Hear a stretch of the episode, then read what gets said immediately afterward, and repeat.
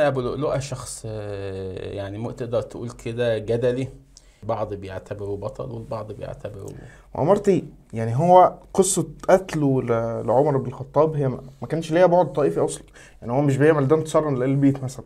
أيوه ده الحقيقي يعني هو في كتب التاريخ القديمة هي كانت بتروي إن هو كان له مظلمة معينة عند سيده فراح لعمر فعمر ما أنصفوش فقرر الانتقام يعني فاغتاله وكده يعني.